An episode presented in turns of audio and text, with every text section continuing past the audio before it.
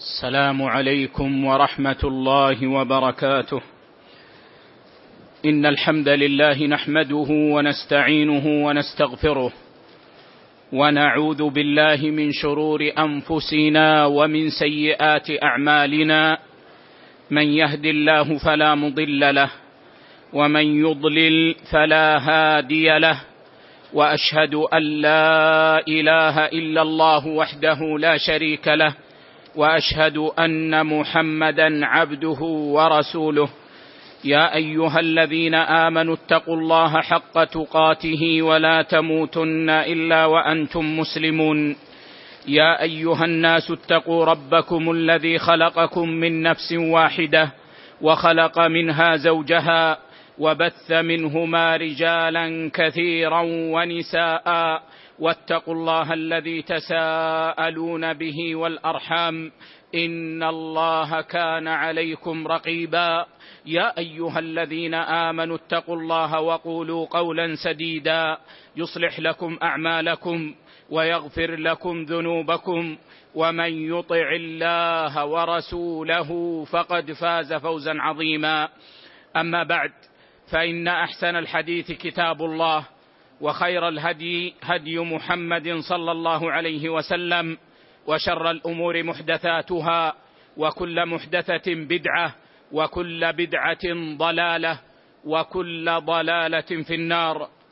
ثم أيها الفضلاء إن درسنا في عصر الأحد كما عهدتموه في القواعد الفقهية حيث نشرع نشرح كتاب القواعد والأصول الجامعة والفروق والتقاسيم البديعة النافعة للإمام المفسر الفقيه الأصولي المتفنن عبد الرحمن بن ناصر بن سعدي بن سعدي السعدي رحمه الله عز وجل.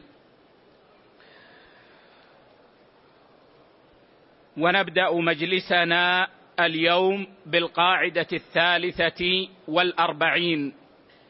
فيتفضل الشيخ الدكتور ياسين وفقه الله والسامعين يقرأ لنا. الحمد لله والصلاة والسلام الأتمان الأكملان على خير خلق الله وعلى آله وصحبه ومن والاه. أما بعد يقول الإمام السعدي رحمة الله عليه القاعدة الثالثة والأربعون من قبض العين لحظ نفسه. لحظ.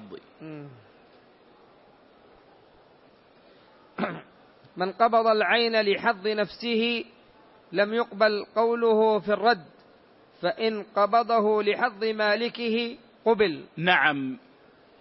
الإسلام أيها الفضلاء دين يحافظ على حقوق الناس ولذلك لا تقبل دعوى من يدعي خلاف الأصل إلا ببينة. إذ لو أعطي الناس بدعواهم لادعى رجال دماء أناس وأموالهم دماء أناس وأموالهم. فلا تقبل الدعوى بخلاف الأصل إلا ببينة. ويستثنى من ذلك إذا كانت الدعوى في باب الإحسان والتعاون على الخير فإنه تقبل الدعوى مع اليمين ولا يطالب المدعي ببينة لأن الإسلام يأمر بالإحسان ويحث على التعاون على الخير ويوسع في في أبوابه. كما قال ربنا سبحانه وتعالى إن الله يأمر بالعدل والإحسان. وكما قال سبحانه وتعاونوا على البر والتقوى. وكما قال النبي صلى الله عليه وسلم خير الناس أنفعهم للناس. وفي رواية أحب الرجال إلى الله أنفعهم للناس. وقد حسن الشيخ الألباني رحمه الله الروايتين. ومن هنا جاءت هذه القاعدة. فمن قبض عينا يملكها غيره كمن قبض سيارة لغيره أو ثيابا لغيره أو كتبا لغيره أو نقودا لغيره أو أنعاما لغيره أو ذهبا لغيره.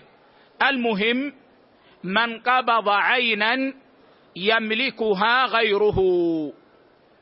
فإنه لا يخلو من حالين. الحال الأولى أن يمل أن أن يقبضها بغير إذن من مالكها ولا بإذن من الشرع. فهو يقبضها بغير إذن.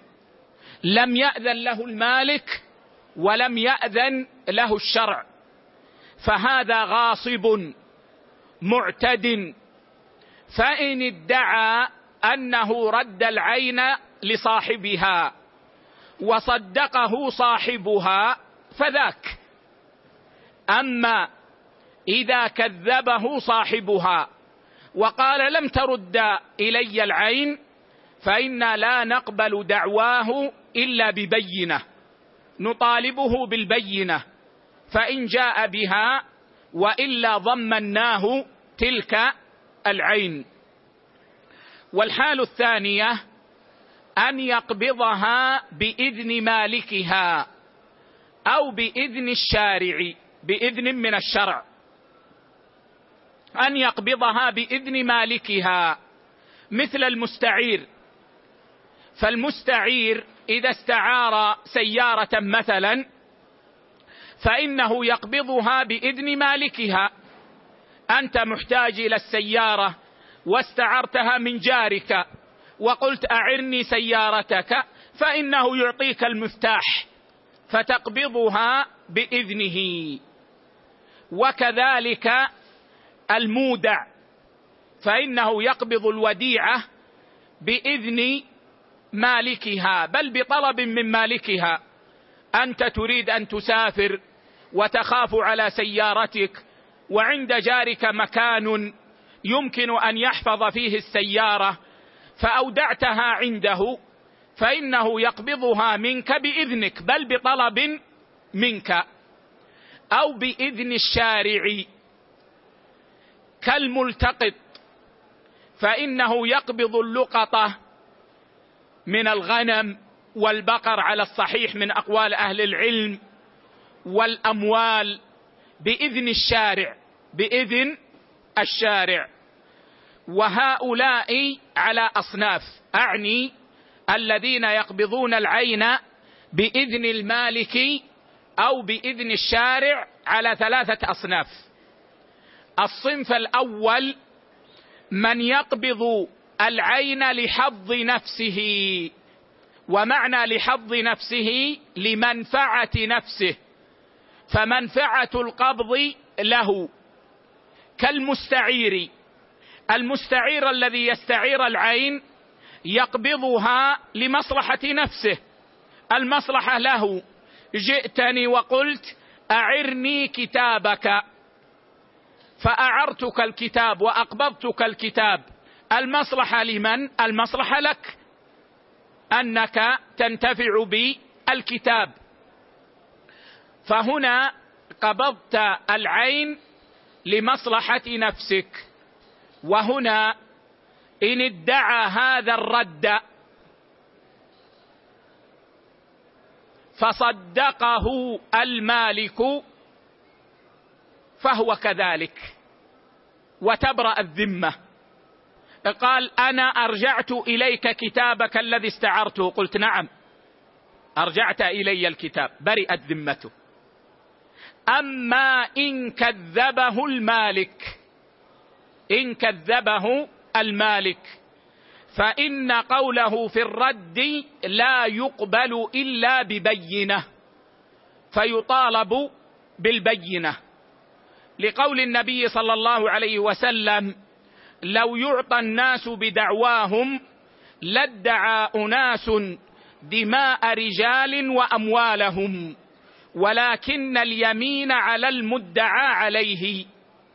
وهذا في الصحيحين. وعند الترمذي بإسناد صحيح البينة على المدعي واليمين على المدعى عليه. وهذا قد تقدم بيانه وتفصيله في قاعدة مستقلة في قاعدة البينة على المدعي واليمين على من أنكر وقد تقدم شرحها. الصنف الثاني من يقبض العين لحظ مالكها من يقبل العين لحظ مالكها فالمنفعة للمالك وليست للقابض. كالمودع فإن المودع يقبض الوديعة لا لمنفعته هو. نقصد من جهة الدنيا وإن كان يثاب. وإنما لمنفعة المودع. فالمنفعة هنا للمودع. ففي هذه وكذلك الملتقط على الصحيح من أقوال أهل العلم. إنما يلتقطها لمصلحة مالكها. حتى لا تضيع عليه. فهنا إذا ادعى ردها فصدقه المالك فذاك وتبرأ الذمة. قال المودع للمودع قد أودعت عندي ذهبا ورددته إليك. قال نعم والذهب عندي برئت ذمته. أما إذا كذبه المالك وقال لم ترد العين فإن دعواه تقبل مع يمينه ولا يطالب بالبينة وإنما نكتفي بدعواه مع يمينه فنقول له احلف أنك رددت العين فإذا حلف فإن دعواه تقبل لأنه محسن. وما على المحسنين من سبيل. وهل جزاء الإحسان إلا الإحسان؟ وليس من الإحسان أن يطالب بالبينة عند دعواه الرد. ويستثنى من ذلك ولي اليتيم. فإن ولي اليتيم إذا ادعى أنه رد المال إلى اليتيم وصدقه اليتيم فذاك. أما إذا كذبه اليتيم وقال لم ترد إلي مالي فإنه يطالب بالبينة. مع أن ولي اليتيم يا إخوة يقبض مال اليتيم لمصلحة اليتيم لكنه مستثنى من القاعدة. لماذا؟ لأن الله عز وجل أمره بالإشهاد. فإذا دفعتم إليهم أموالهم فأشهدوا عليهم. فهو مأمور بالإشهاد. فنطالبه بالشهادة. نطالبه بالبينة. لأن الله عز وجل أمره بذلك. اذا فهمتم يا إخوة أن ولي اليتيم يستثنى من هذه القاعدة. فمع أنه يقبض المال لحظ اليتيم لا لحظ نفسه فإنه إذا ادعى الرد وكذبه اليتيم نطالبه بالبينة.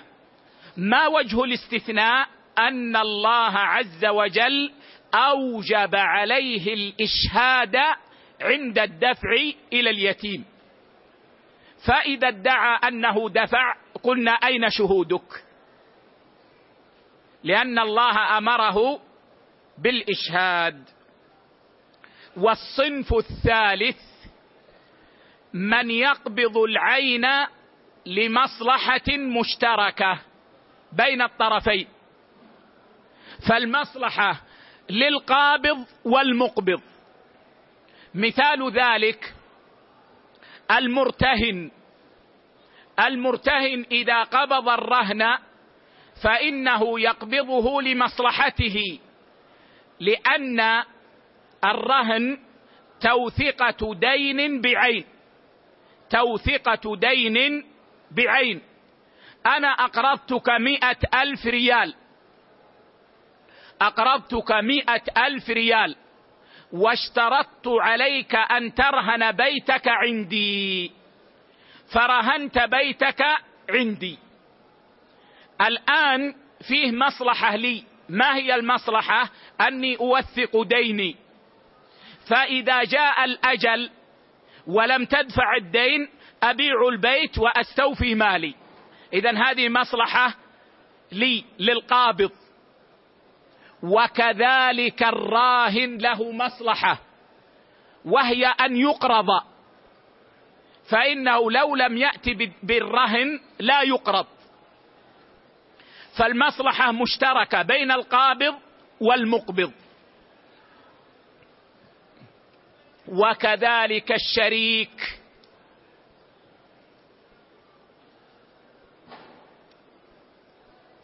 لو أنك أعطيتني عشر آلاف ريال وقلت تاجر فيها والربح بيننا بالنصف فأنا قبضت مالك. لي مصلحة؟ وهي أن أربح ولك مصلحة وهي أن تربح. اذا المصلحة مشتركة بين الطرفين بين القابض والمقبض. فهنا اختلف العلماء. فمن العلماء من رجح حظ المقبض. من رجح منفعة المقبض. فقال هذا أمين. فإذا ادعى الرد قبلنا دعواه مع يمينه. ومن العلماء من رجح حظ نفسه. فقال هذا منتفع. فإذا ادعى الرد طالبناه بالبينة. واضح يا إخوة؟ لما كان عندنا هنا شيء لحظ نفسه لحظ القابض وشيء لحظ المقبض اختلف العلماء. من العلماء من رجح حظ المقبض. فقال القابض أمين فإذا ادعى الرد قبلنا دعواه مع يمينه. ومن العلماء من رجح حظ القابض ومصلحة القابض فقال هذا منتفع فإذا دع فإذا ادعى الرد لا بد أن يقيم بينه على أنه قد رد. والراجح والله أعلم التفصيل. فإن كانت المصلحة المشتركة ربحا فإنه أمين. إذا ادعى الرد صدقناه مع يمينه. مثل الشركة. أنت أعطيتني عشر آلاف ريال. وقلت تاجر فيها وتاجرت فيها وربحنا. ثم ادعيت أني قد أرجعت إليك المال وربحك. فقلت أنت لا المال لا زال عندك لم ترده لي. الراجح من أقوال أهل العلم أنه يكتفى بدعواي مع اليمين. فأقسم أني قد رددت إليك المال مع الربح. وقد قال علي رضي الله عنه من قاسم الربح لم يضمن. من قاسم الربح لم يضمن. رواه عبد الرزاق في المصنف بإسناد صحيح. من قاسم الربح لم يضمن. مثل الشريك. الشريك يقاسم الربح فإذا لم يعتدي ولم يفرط ولم يخن فإنه لا يضمن بل هو أمين بل هو أمين. وما دام أنه أمين فإذا ادعى الرد قبلنا دعواه مع يمينه. أما إذا لم تكن المصلحة المشتركة ربحا فإنه لا تقبل دعوى الرد إلا ببينة. كالمرتهن كالمرتهن. فلو أن إنسانا أقرض آخر عشر آلاف ريال وأخذ بقرة منه رهنا ثم ادعى المرتهن أنه قد رد البقرة وكذبه صاحبها.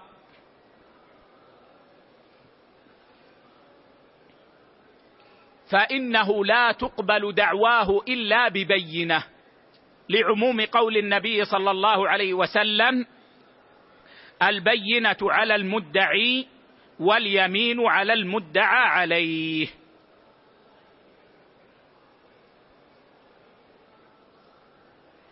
اذا هذه القاعدة فيها ثلاثة أصناف ذكر الشيخ صنفين. فقال من قبض العين لحظ نفسه أي لمنفعة نفسه لم يقبل قوله في الرد أي إلا ببينة إلا ببينة. هذا الصنف الأول. فإن قبضه لحظ مالكه لمنفعة مالكه قبل أي قبل مع اليمين ولا يطالب بالبينة. ونحن ذكرنا الصنف الثالث يذكره الفقهاء لكن الشيخ لم يذكره. وهو إذا كان الحظ مشتركا فالقابض له منفعة والمقبض له منفعة. وقد بينا حكمه. بعبارة أخرى نقول كل من قبض عينا فادعى أنه ردها لمالكها يطالب بالبينة إلا من كان محسنا فإنه يكتفى بدعواه مع اليمين. هذا معنى هذه القاعدة ومحصل ما في هذه القاعدة. نعم. قال رحمه الله وذلك لأنه إذا قبضه لحظ مالكه فهو محسن محض وما على المحسنين من سبيل ولكن يقيد ذلك إذا ادعى رده للذي ائتمنه. نعم. يقول الشيخ يقيد هذا الحكم إذا ادعى رده إلى مالكه إلى الذي ائتمنه عليه إلى الذي ائتمنه عليه. أو من يقوم مقامه كابنه مثلا. يعني قال أنا رددت العين رددت الكتاب رددت البقرة إلى مالكها.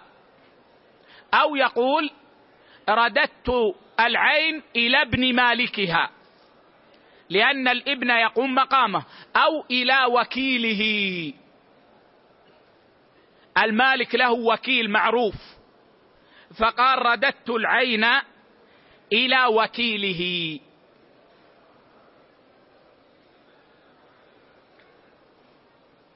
قال أنا والله وجدت كيلو ذهب. وثبت عندي أن هذا الذهب لزيد من الناس. فأنا رددت الذهب له. نقول نعم. يا صاحب الذهب هل رد إليك الذهب؟ قال نعم قلنا الحمد لله. قلنا يا صاحب الذهب هل رد إليك الذهب؟ قال لا. الراجح من أقوال أهل العلم في اللقطة هنا أنه يكتفى بدعوى الملتقط مع يمينه. نقول احلف أنك قد رددت الذهب إليه. قال والله أني أعدت الذهب إليه يكفي هذا. أو قال أنا رددت الذهب إلى ابنه. أنا عرفت أن الذهب له فذهبت فطرقت الباب عليه فخرج ابنه البالغ العاقل. وعرفت أنه ابنه فدفعته إليه. أو قال ذهبت إلى وكيله في السوق. فدفعته إليه. هنا يقبل قوله مع يمينه ولا يطالب بالبينة. لكن إذا ادعى رده إلى غير مالكه ادعى رده إلى غير مالكه ولا من يقوم مقامه.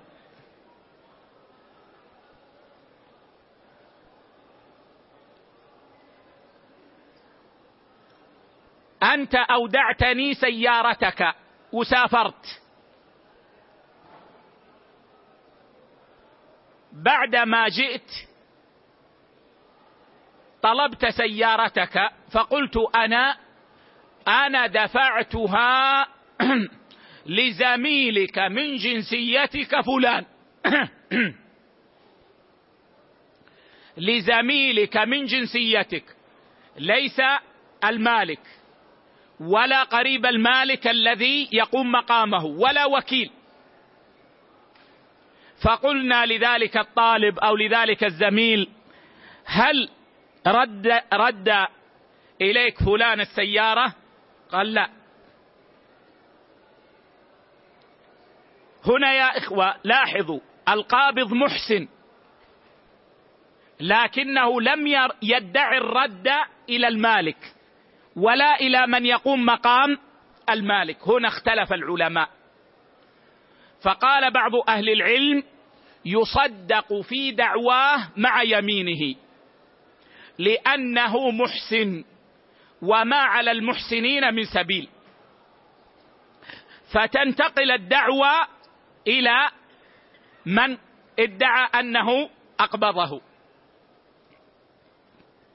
وقال بعض أهل العلم لا تقبل دعواه إلا ببينة.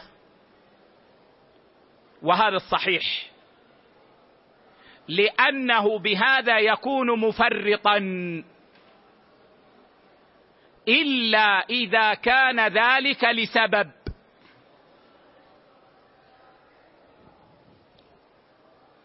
المودع يا إخوة إذا سلم الوديعه لغير مالكها أو إلى غير من يقوم مقامه الأصل أنه مفرط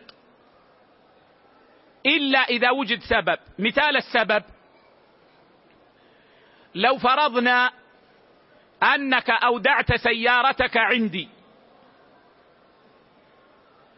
وقبضتها ووضعتها في مكان أمين ثم أردت أنا أن أسافر وخفت على السيارة من اللصوص. فأخذتها ووضعتها وديعة عند ثقة.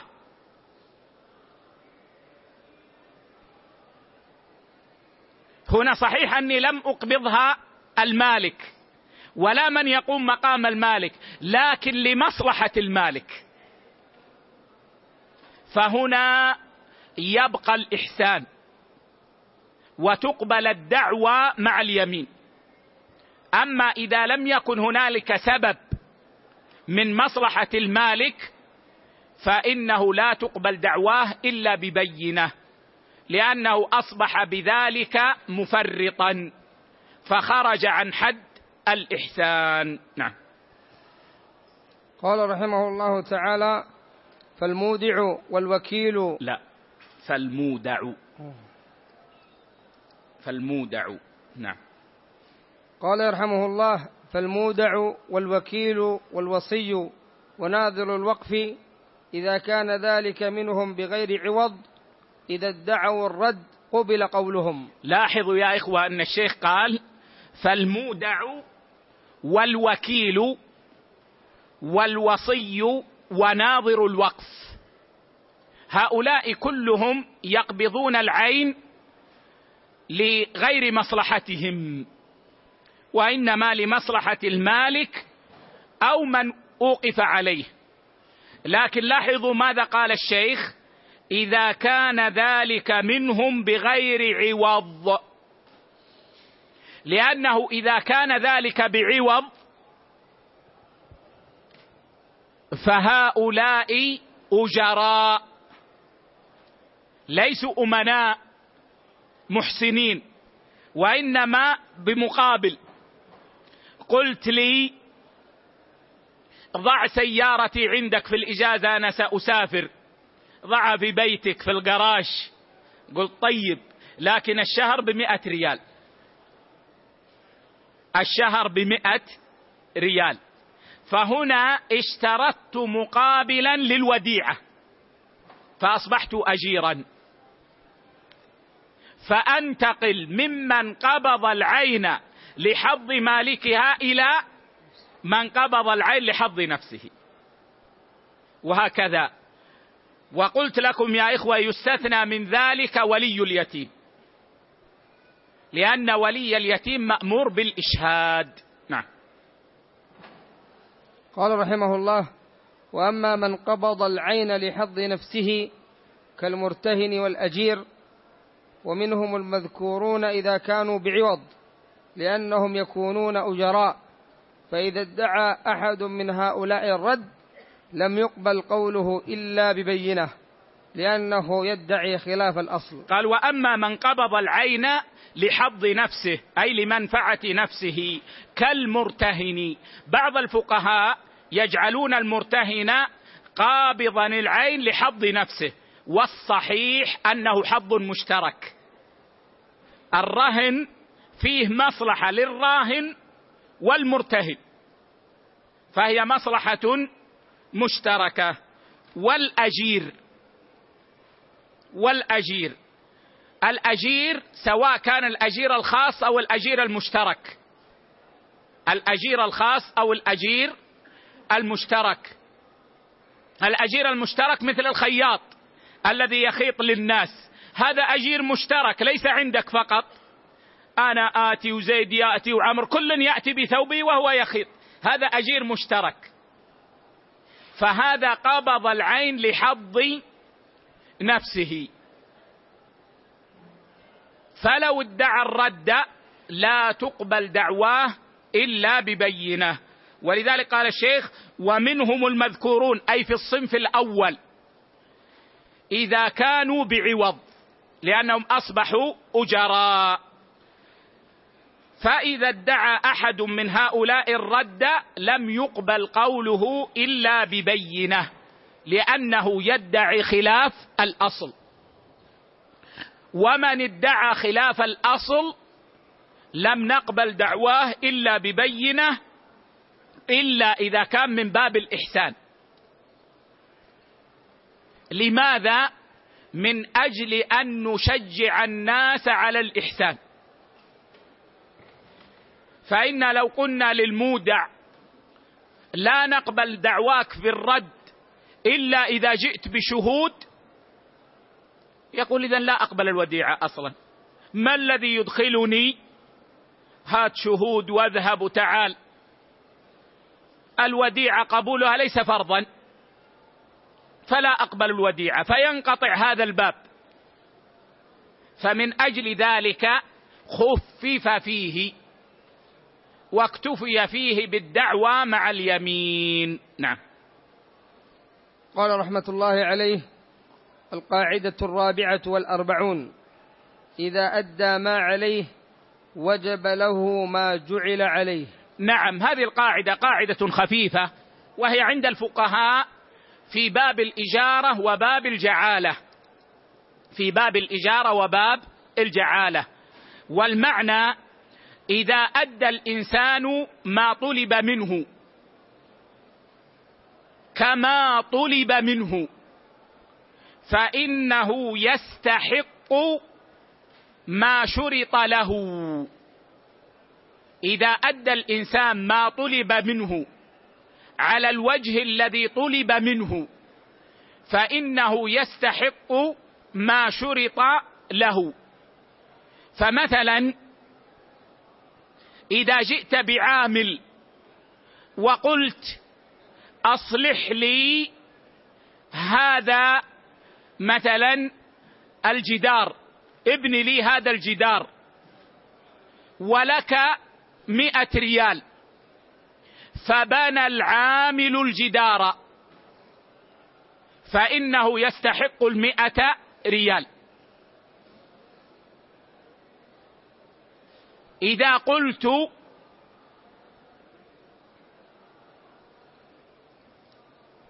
من جاءني بخبر زيد فله مئة ريال. من جاءني بخبر زيد زيد من طلابنا وغاب. فقلت من جاءني بخبر زيد فله مئة ريال. هذه جعالة. لأن الجعالة بذل عوض معلوم مقابل عمل سواء كان معلوما أو مجهولا يعني محددا أو غير محدد. إذا قلت من بنى حائطي هذا فله مئة ريال. هذه جعالة. لأني ما حددت أجيرا. قلت من بنى حائطي هذا فل... من غسل سيارتي هذه فله عشر ريال. هذه جعالة. أو من حفر لي بئر ماء فله ألف ريال. من حفر لي بئر ماء. البئر هذا معين لم يعين. هل هو في هذا المكان؟ هل هو في مكان آخر؟ لم يعين. من حفر لي بئر ماء فله ألف ريال. هذه جعالة. هذه جعالة. والجمهور جمهور الفقهاء المالكية والشافعية والحنابلة على جواز الجعالة. والغرر فيها مغتفر. لكونها عقدا جائزا. وقد قال يوسف عليه السلام ولمن جاء به حمل بعير وأنا به زعيم. قالوا هذه جعالة من نبي عليه السلام ولم يأتي في شرعنا ما يخالفها. قالوا فالجعالة جائزة. فمن فعل ما طلب منه. استحق ما جعل له. قلت من بنى حائطي هذا فله مئة ريال. فذهب رجل وبناه بناء صحيحا. فإنه يجب عليه هنا أن أعطيه المئة ريال. لكن لو بنى نصف الحائط يقول الفقهاء لا يستحق شيئا. لو بنى نصف الحائط يقول الفقهاء لا يستحق شيئا. ولا نصف القيمة ولا نصف القيمة.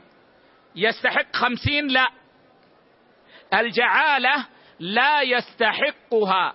فاعلها فاعل ما فيها إلا إذا فعله بتمامه. أما إذا لم يفعله بتمامه سواء لعذر أو لغير عذر لا يستحق شيئا.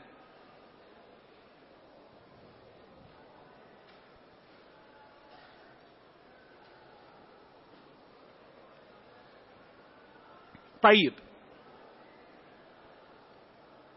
شخص رأى حائط بيتي متهدما فقاموا بناه. هو من تلقاء نفسه. ولم يعلم أني قلت من بنى حائطي فله مئة ريال. ما علم. أو قبل أن أقول. يقول الفقهاء لا يستحق شيئا. لماذا؟ لأنه متبرع. وقد تقدم معنا ذكر هذا. هو متبرع. فما دام أنه متبرع لا يستحق شيئا. اذا انتبهوا يا إخوة في الجعالة لا يستحق الفاعل ما جعل فيها إلا إذا علم بها وفعله على وجه التمام. فإذا لم يعلم لا يستحق شيئا. وإذا علم ولم يتم العمل لا يستحق شيئا. أما في الأجرة في الإجارة. فإن فعل الأجير ما طلب منه على وجه التمام استحق الأجرة.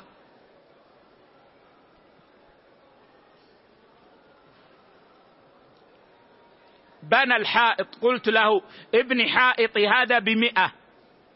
أو أنقل هذا الطوب أو هذا الرمل من هذا المكان إلى ذلك المكان بمئة. ففعل يجب علي أن أعطيه المئة. أما إن فعل بعضه إن فعل بعضه بنى نصف الحائط فإنا ننظر إن كان تركه لبقية العمل فإنا ننظر اولا هل هذا الجزء ينفع أو لا ينفع؟ ننظر هل هذا الجزء الذي عمل ينفع أو لا ينفع. فإن كان لا ينفع فلا يستحق شيئا. إن كان لا ينفع فلا يستحق شيئا.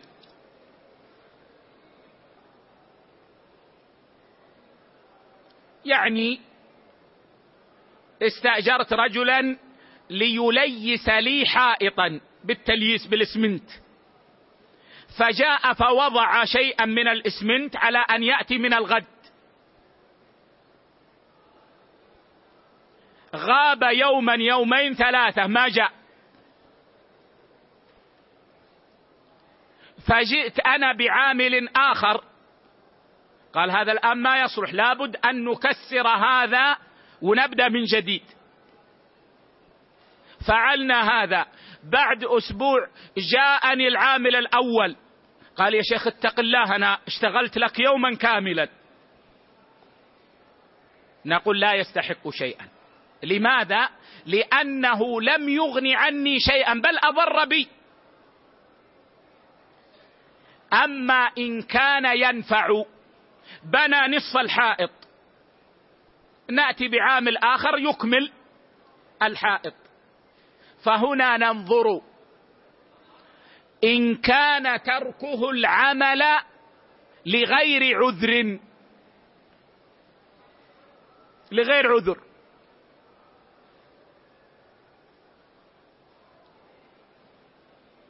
فإنه لا يستحق شيئا. ما ياخذ شيئا. لأنه ما أدى ما شرط عليه. يعني مثلا عامل جاء واستأجرناه يبني حائطا. اشتغل عندنا يوما ومنعناه من شرب الدخان. قلنا ما تشرب الدخان. يريد يشرب؟ نقول لا ما تشرب الدخان. في اليوم الثامن في اليوم الثاني قال هذا المطوع هذا ما يصلح. ما يسمح لي أشرب دخان. ما جاء. فجئنا بعامل وأكملنا البناء. بعد يومين ثلاثة جاء الأول قال أعطني خمسين. أنا بنيت نصف الحائط. نقول لا تستحق شيئا. لأن تركه بلا عذر. أما إن تركه بعذر كأن مرض. مرض ما يستطيع. أو كسرت يده. ما يستطيع يبني فإنه يستحق أجرة ما عمل. فإن بنى نصف الحائط يستحق خمسين ريالا. ومن باب أولى إذا كان عدم الإكمال بسبب المالك.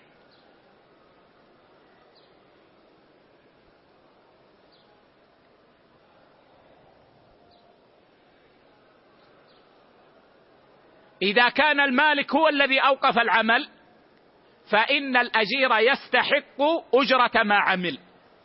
يستحق أجرة ما عمل وهذا من عدل الإسلام. نعم.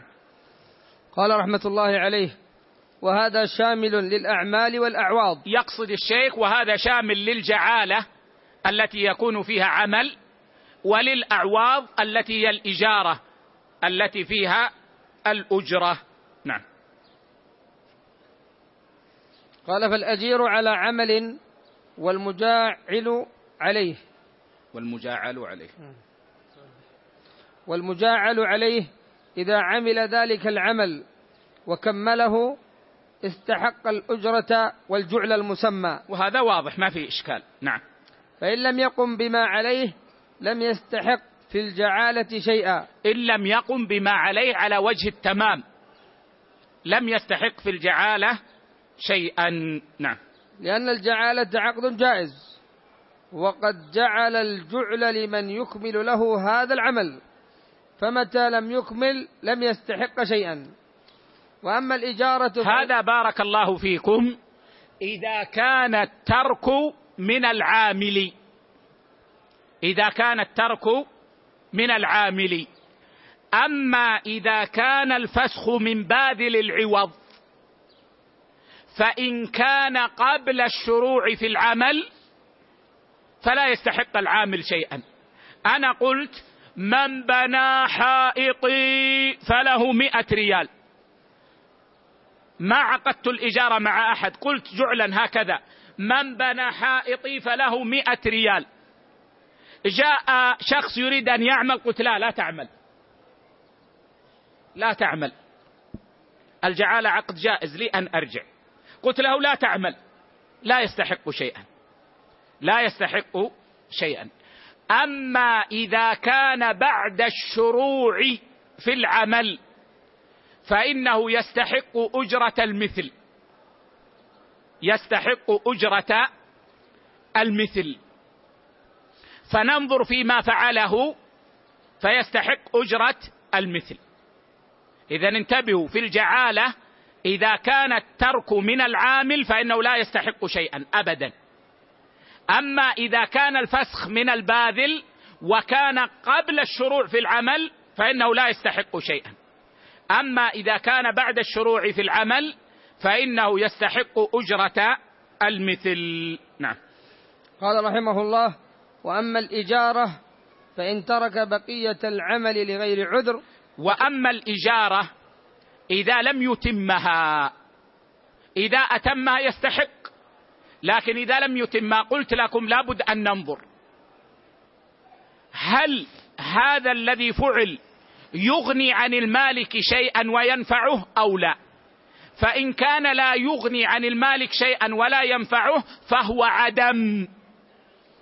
فلا يستحق العامل شيئا. لا يستحق العامل شيئا. أما إذا كان يغني عن المالك وينفع المالك فالأمر كما يقول الشيخ. نعم. قال وأما الإجارة فإن ترك بقية العمل لغير عذر فكذلك لم يستحق شيئا. وإن كان لعذر وجب من الأجرة بقدر ما عمله. وكذلك لو لو تلفت العين المؤجرة المعينة. نعم. لو تلفت العين المؤجرة المعينة فلا يخلو الأمر من حالين. الحالة الأولى أن يكون ذلك قبل الانتفاع بها فهنا لا يستحق صاحبها أجرة. جئت واستأجرت دارا من مالكها لتسكنها سنة. ووقعت العقد بعشر آلاف ريال في السنة. قبل أن تسكن تهدم الدار. تلف الدار. فإن المالك لا يستحق من الأجرة شيئا. ما يجوز أن يأتي إليك ويقول أنت وقعت العقد. هات عشر آلاف. ولا يجوز أن يقول هات ريالا واحدا. استأجرت سيارة لتسافر بها إلى مكة بخمسمائة ريال. قبل أن تأخذ السيارة احترقت. فإن المالك لا يستحق شيئا. أما إذا انتفع الإنسان بها فإن للمالك ما يقابل الانتفاع من الأجرة. استأجرت دارا لمدة سنة باثني عشر ألف ريال.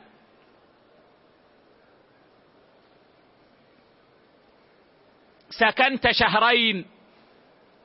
ثم تهدمت الدار.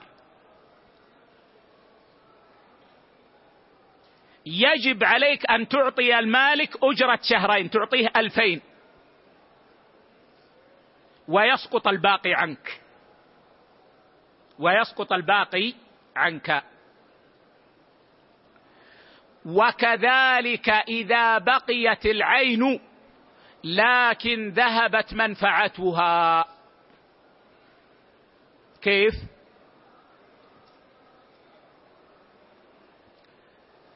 استأجرت محلا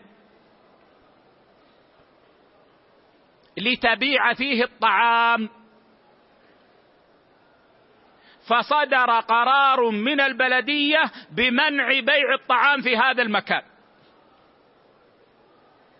المحل موجود أو تلف؟ موجود لكن المنفعة انعدمت. ففي هذه الحال ليس للمالك شيء من الأجرة. استأجرت محلا لتبيع فيه. بعدما استأجرت المحل جاءت البلدية ووضعت حواجز منعت الناس من المرور من أمام المحل. فيه مشروع لمدة سنتين. المحل موجود صاحب المحل الملك يقول لك تعال استلم هذا المفتاح. لكن لن تنتفع المنفعة ذهبت. ففي هذه الحال لا يستحق المالك شيئا. اشتريت سيارة استأجرت سيارة لتسافر بها إلى مكة. فإذا بالمرور يصدر قرارا بمنع سير هذه السيارات على الطرق الطويلة. سياره موجودة لكن لا تنفعك أنت تريد أن تسافر.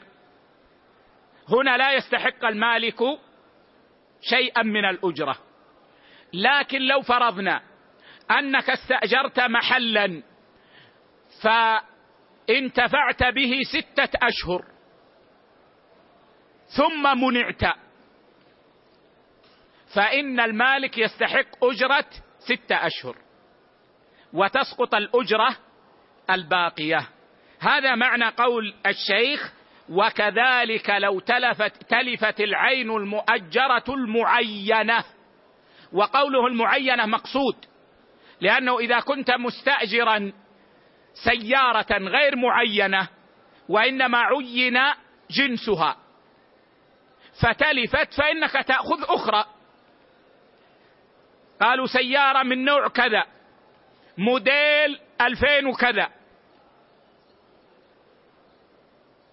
فاحترقت واحدة ووجدت الأخرى فإنك تأخذ الأخرى. ولذلك قال الشيخ المعينة. قال الشيخ المعينة يعني وقعت الأجرة عليها بعينها وقعت الإجارة عليها بعينها. نعم.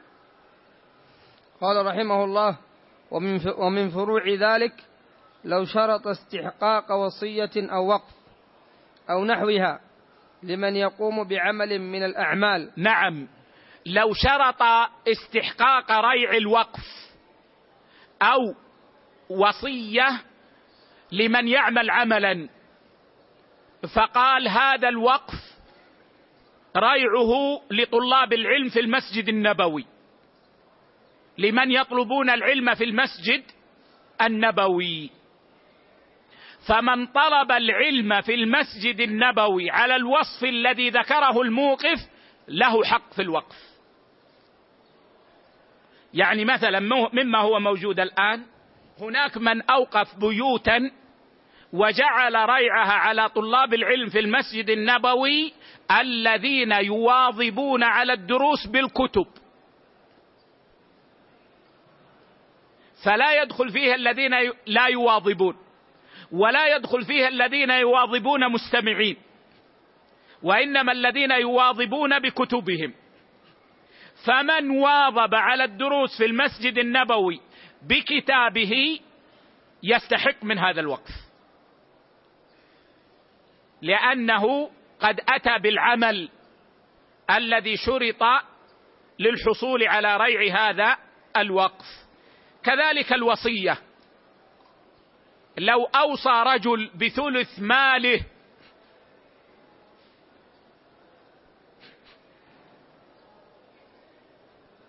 لطلاب العلم الذين لا تفوتهم تكبيرة الإحرام مع الإمام. عسى أن يجد.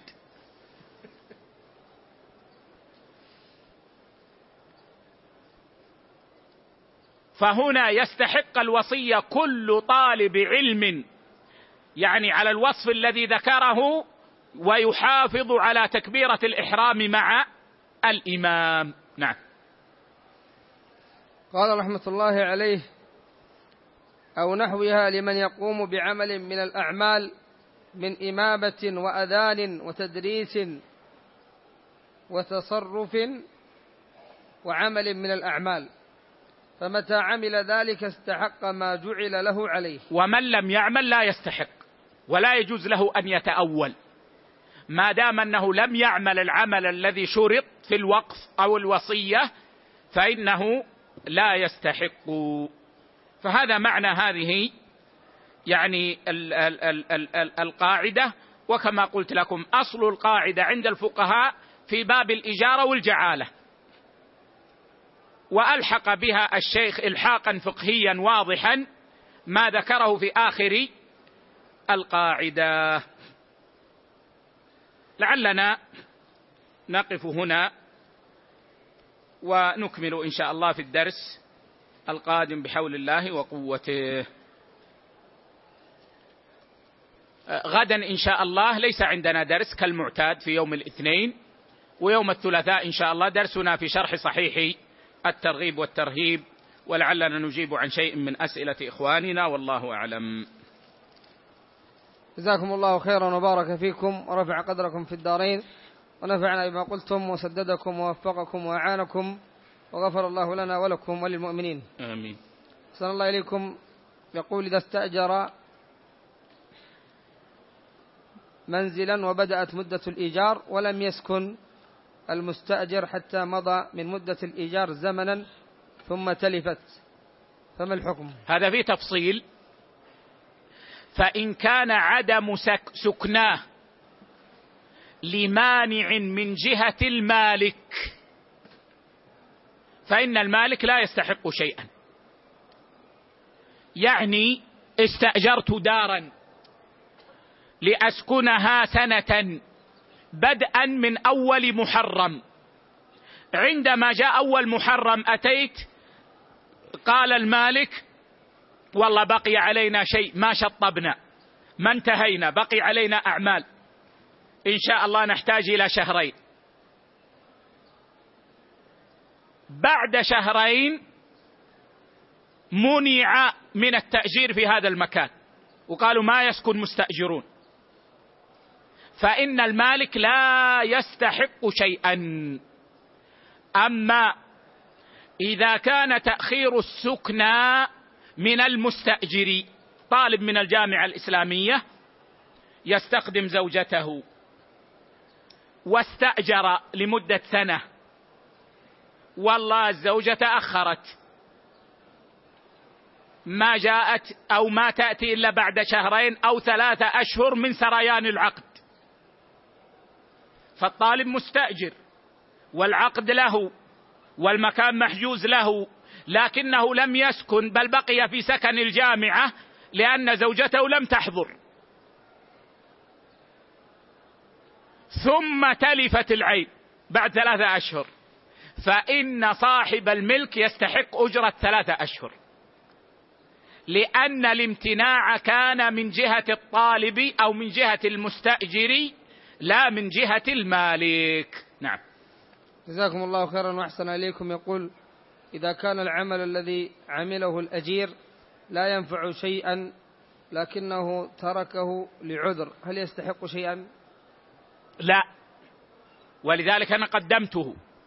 لأن العوض مقابل المنفعة وهنا لا منفعة. نعم. أثابكم الله. يقول هل يشترط تعيين وقت تسليم الثمن. أما في الإجارة فالمعلوم أن أنه يشترط أن تكون الأجرة معلومة والعمل معلوما. وأما في الجعالة فيشترط أن يكون العوض معلوما فقط. أما العمل فيصح على معين وعلى غير معين. وهل تقيد الجعاله بمدة؟ الجمهور يقولون يصح أن تقيد بمدة ويصح أن تطلق. فيصح أن تقول من بنى حائطي فله مئة. ما قيدت مدة. ويصح أن تقول من بنى حائطي اليوم فله مئة. فقيدت بمدة. والمالكية يقولون الجعالة لا تقيد بمدة. الجعالة لا تقيد بمدة ولا يصح أن تقيد بمدة. نعم. جزاكم الله خيرا وأحسن إليكم. يقول ما حكم ذك ما حكم ذكر اسم الأب مجردا دون قول أبي أو والدي؟ وهل هو من العقوق؟ يعني السائل يقول ما حكم أن أخاطب أبي باسمه؟ وأقول يا فلان لا شك أن البر أن تخاطب أباك بأحب الأسماء إليه. فمن البر أن تدخل السرور على قلب أبيك ومن ذلك حسن الخطاب. كأن تقول يا أبتي يا أبي يا والدي أو نحو ذلك أو تكنيه إذا كان يحب التكنية فتقول يا أبا فلان. وأما المناداه باسمه فهذه تختلف فإن كان ذلك يستقبح في العرف ولا يسر فلا ينبغي للابن أن ينادي أباه باسمه. أما إذا كان هذا جاريا في العرف وهو عندهم من الملاطفة كأنهما صديقين وكانهما صديقان أو آه، من باب يعني حسن الكلام عندهم في عرفهم فهذا لا بأس به في ذلك العرف في ذلك العرف.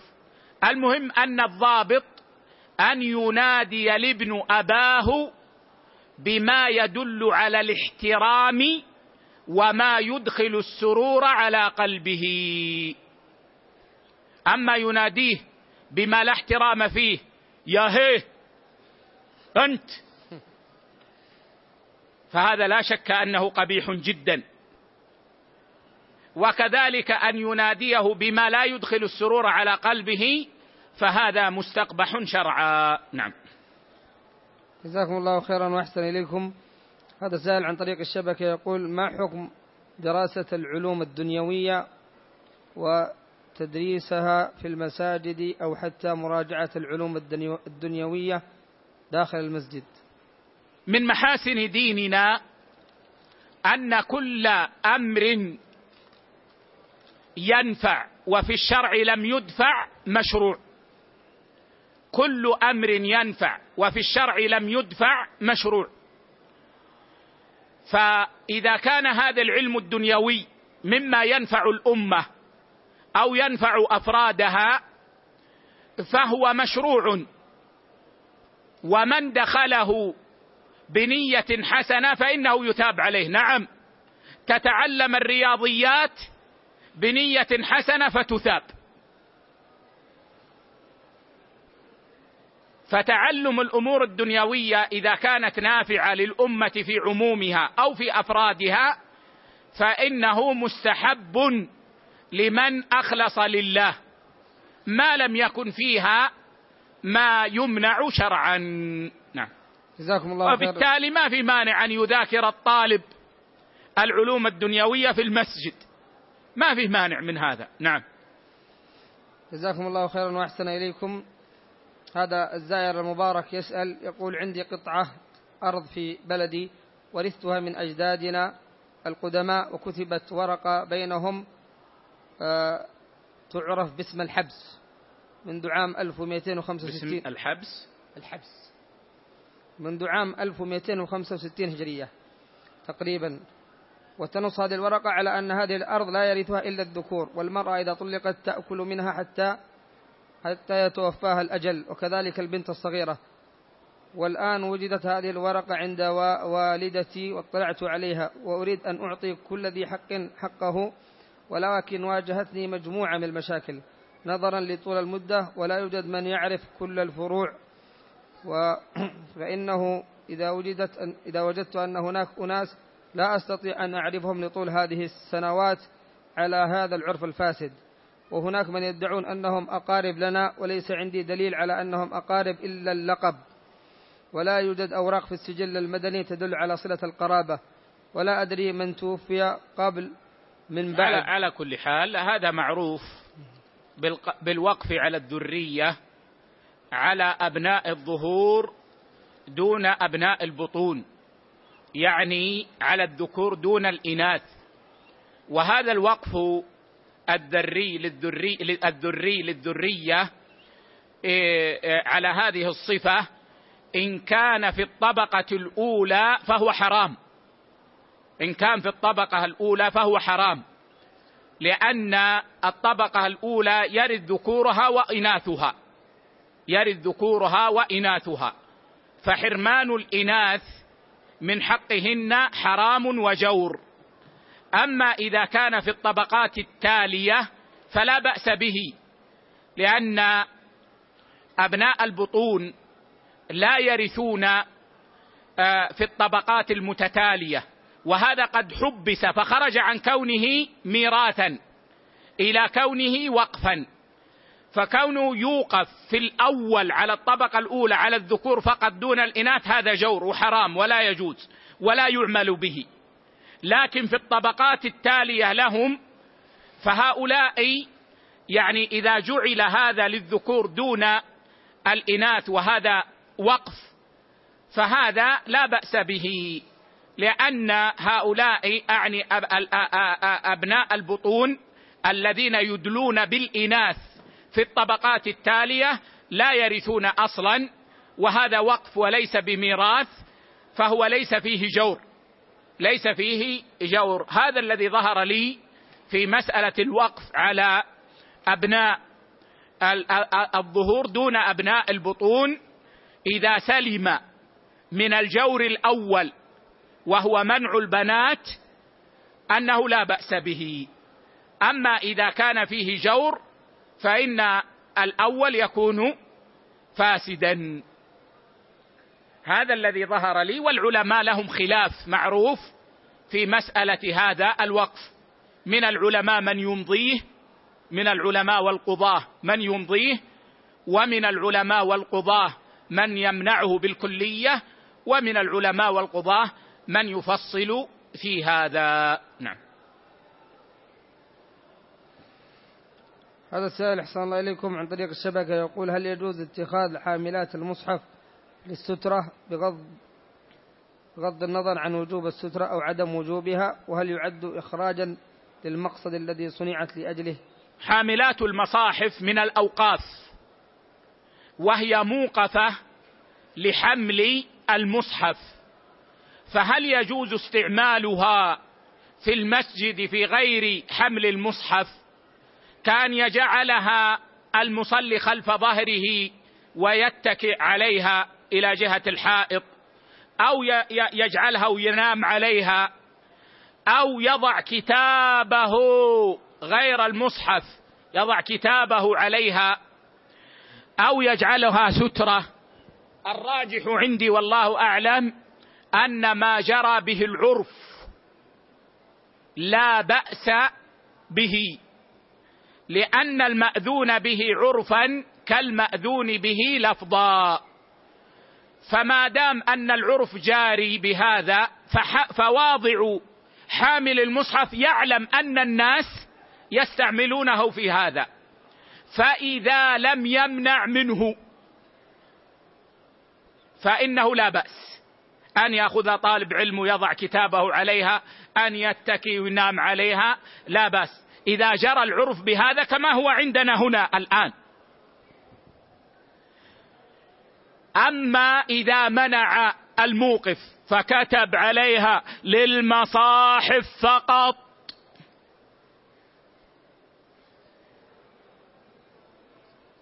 فهنا لا يجوز استعمالها إلا في وضع المصاحف. في فرق يا أخوة إذا كتب للمصاحف وفي فرق إذا كتب للمصاحف فقط. فإن قوله فقط منع من أن تستعمل في غير وضع المصاحف عليها. وكذلك إذا جرى العرف في البلد أنها لا تستعمل إلا لوضع المصحف ويستقبح الناس استعمالها في غير ذلك. فإنه لا يجوز استعمالها إلا في وضع المصاحف عليها إذ ذاك. نعم. جزاكم الله خيرا وأحسن إليكم. هذا السائل يقول سؤال من إحدى دول الكفر. يقول شخص تعاقد مع شركة أن تبني له شقة في مدة معينة ومن شروط العقد أنه إذا تأخرت الشركة بتسليم الشقة للمشتري عن هذه المدة فإنها تدفع للمشتري غرامة مقدرة بنظام الدولة. وقد جاء وقت تسليم الشقة والشركة لم تنتهي من البناء فهل يجوز, فهل يجوز للمشتري أن يطالب بهذه الغرامة؟ وكذلك حسب نظام الدولة من حق المشتري أن يطالب الشركة بتعويض نقدي عن الإيجار المضطر إليه بسبب تأخير التسليم لأنه اضطر إلى استئجار شقة أخرى ليسكن فيها. وكذلك له أن يطالب بتعويض نقدي عن الربح الفائت لأنه لو استلم الشقة في الوقت لأجرها لغيره. وبسبب تأخير التسليم يفوته هذا الربح فهل يجوز له أن يطالب بهذا التعويض؟ هذا معروف عند أهل العلم بالشرط الجزائي. والشرط الجزائي فيه تفصيل. فإن كان الشرط الجزائي متعلقا بالمال أو بالثمن فهذا لا يجوز. لأنه إن تعلق بالمال فهو ربا وإن تعلق بالثمن يجعل القيمة مجهولة غير مستقرة. يعني وهو أيضا فيه ربا. بعت سيارة بعشر آلاف ريال على أن يدفع الثمن بعد نصف سنة بشرط أنك إذا تأخرت عن نصف سنة يزيد في كل شهر مئة ريال. فهذا حرام وربا ومن ربا الجاهلية. وإن كان الشرط الجزائي على الأعمال لا على الأموال والقيمة. فالصحيح أنه جائز. ويستحقه مشترطه.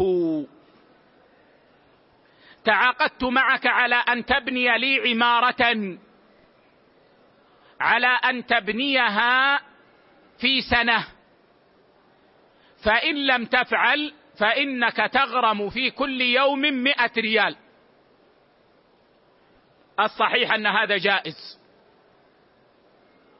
ومن اشترطه يستحقه. ففرق بين الشرط الجزائي في القيم والأموال وبين الشرط الجزائي في الأعمال. هذا هو التحقيق في مسألة الشرط الجزائي ولعل في هذا كفاية والله أعلم وصلى الله على نبينا وسلم.